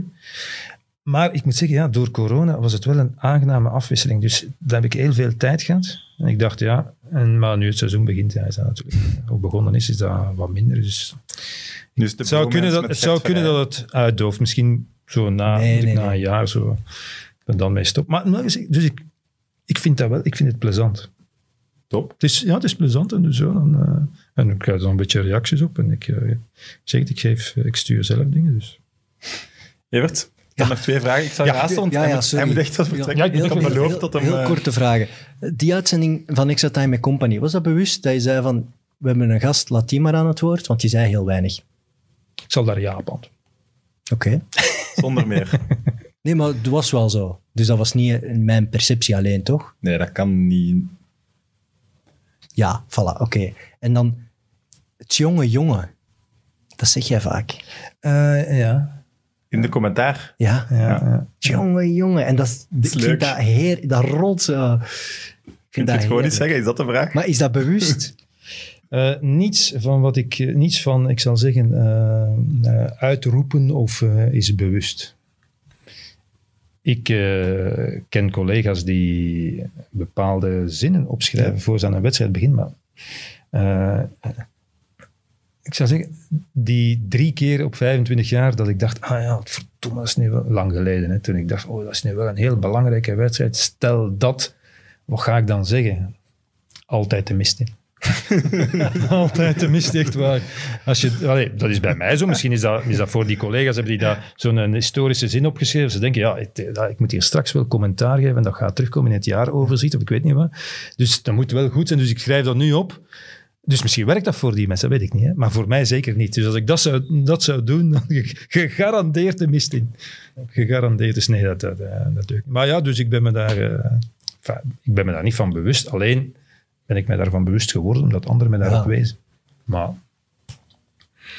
Je hebt ook nog wat prijzen mee? Of cadeautjes ja, dat is heel vriendelijk. Het, is mijn, het is mijn verjaardag, hè, dus we gaan een giveaway. Proficiat over is, hè. En hoe oud word je? 35. 35. Dus het is wel echt de Kijk laatste. Ik ben ook 35 geweest. de laatste dag in mijn leven, denk ik, dat ik wel zo naar het werk kan komen. Hè. Het is wel eigenlijk wel heel lelijk. Hè. Ik begrijp de emotionele waarde, maar het is eigenlijk ook geen fluit. Hè. Echt wel heel lelijk, ja. Ik maak hem hier af in de intro. Nee, nee, maar het is Ja, helemaal op het einde. nee, we mogen dat nu toch zeggen, met al die jaren... eh, Het is de nostalgie. Ik, hè? Ja, maar nee, het is, het is retro, dus, maar ja, lelijk. het is voor zo'n Het is echt wel lelijk, inderdaad. camping kitsch club of zo. Ja, ja, kan dat aan? Dus het is eigenlijk voor in eh, een, oude, een oude aflevering van FC de Kampioenen. Ja, ja voilà, aan een teug. Nee, eh, ik had nog een cadeau bij voor de kijkers. Een officieel truitje van het WK, ja, het, voor, het laatste WK van Colombia, nummer 10, Games. En het is gehandtekend. Wauw. Dus en we geven dat wel- weg. Ja, we geven dat weg voor mijn verjaardag. Dat, dat lag nog in mijn kast en dat is, ik heb heel veel truitjes en af en toe wissel ik daar eens in. En deze, ja, daar doe ik eigenlijk niet zoveel meer mee. Dus deze mogen ze winnen. En hoe gaan we dat weggeven? Games. Dat weet ik nog niet. We kunnen nog iets verzinnen straks. Ze, mo- ze moeten een hele week u gelukkige verjaardag wensen en de leukste verjaardag. Ah ja, is de leukste verjaardagswens die je krijgt dit jaar. En ga- Mid Podcast Ja. taggen op Instagram, Voilà. stories op openbaar. Voilà. Of misschien een eh, lofcampagne over... eh, VTM, vandaag is ja, rood. Ja. Ik, ik, het, zou ook Die Stef, moeten gestraft worden, mensen die dan hun mening gaan aanpassen. het zou ook Stef Wouters een hart onder de riems geven. En zeg, die mens die krijgt daar op Twitter van alles over zich. Maar- dat is gewoon een goede presentator. Ik heb Maar de, de beste remedie... eh, ja, uiteraard. De beste remedie is niet op Twitter zitten. Daar Ja. heb je daar helemaal geen last van. Ja. Niet Maar op als wij, Twitter, niet op, eh, op eh, fora, niet op sociale media. als wij niet op Twitter zitten, dan hebben wij geen luisteraars, denk ik. Want wij hebben geen distributie. Dat is het. Wij moeten via Twitter reclame maken voor Meet Meet. Wij zijn niet zo goed dat we bij Sporza Ja. zitten. Nee, maar ik was nu bezig over eh, VTM. Ja, ja. Eigenlijk moet je dat niet opzetten, ik weet het. Ik had nog... Ja. Ik ben ook hoofdredacteur van het fanmagazine van KV Mechelen, maar dat is van het supportersorgaan, dus dat heeft niks met de club te maken. En wij brengen dat drie keer per jaar uit om geld in te zamelen, om aandelen te kunnen kopen in de club en om zo een stem van de supporters in de raad van bestuur te krijgen. En eh, ik ben hoofdredacteur van dat magazine, samen met allemaal journalisten van eh, Humo, De Morgen, Het Laatste Nieuws. 122 pagina's, knappe fotografie, superartikels, exclusief interview met Issa Caboret, Peire, Bijker. Echt super tof. Eh, Het is maar 10 euro. www.geelenrood.be. En al het geld wordt gebruikt om aandelen van KV Mechelen te, te kopen. koop. Voor supporters, denk u. En ik ga ook eentje weggeven. Oké, dat zullen we nog laten weten hoe. Dat waren mijn giveaways. Oké, top. Ehm, de giveaways die we vorige week hadden, was het Italiaanse shirt. Dat zullen we in de comments zetten wie dat gewoon heeft, want ik ben dat eigenlijk volledig vergeten te checken. In alle eerlijkheid. Ehm, morgen is Kick and Rush terug met de preview op de Premier League. Vrijdag hebben we X en O's. En gisteren, of eergisteren ondertussen, hadden we Valsplat, onze wielerpodcast. Dus een hele week vol met Friends of Sports podcast. En op Radio 1 is er elke dag eh, het programma rond eh, de Tour. Ja. Waar je nu naartoe moet. Eh, wel ja, Oei, oei, oei, volgens mij ben ik al te laat. Vandaag gaat we het gaan de, rit- de start van de rit moeten uitstoten. Goed, aan de kijkers en luisteraars, tot volgende week. Friends of Sports.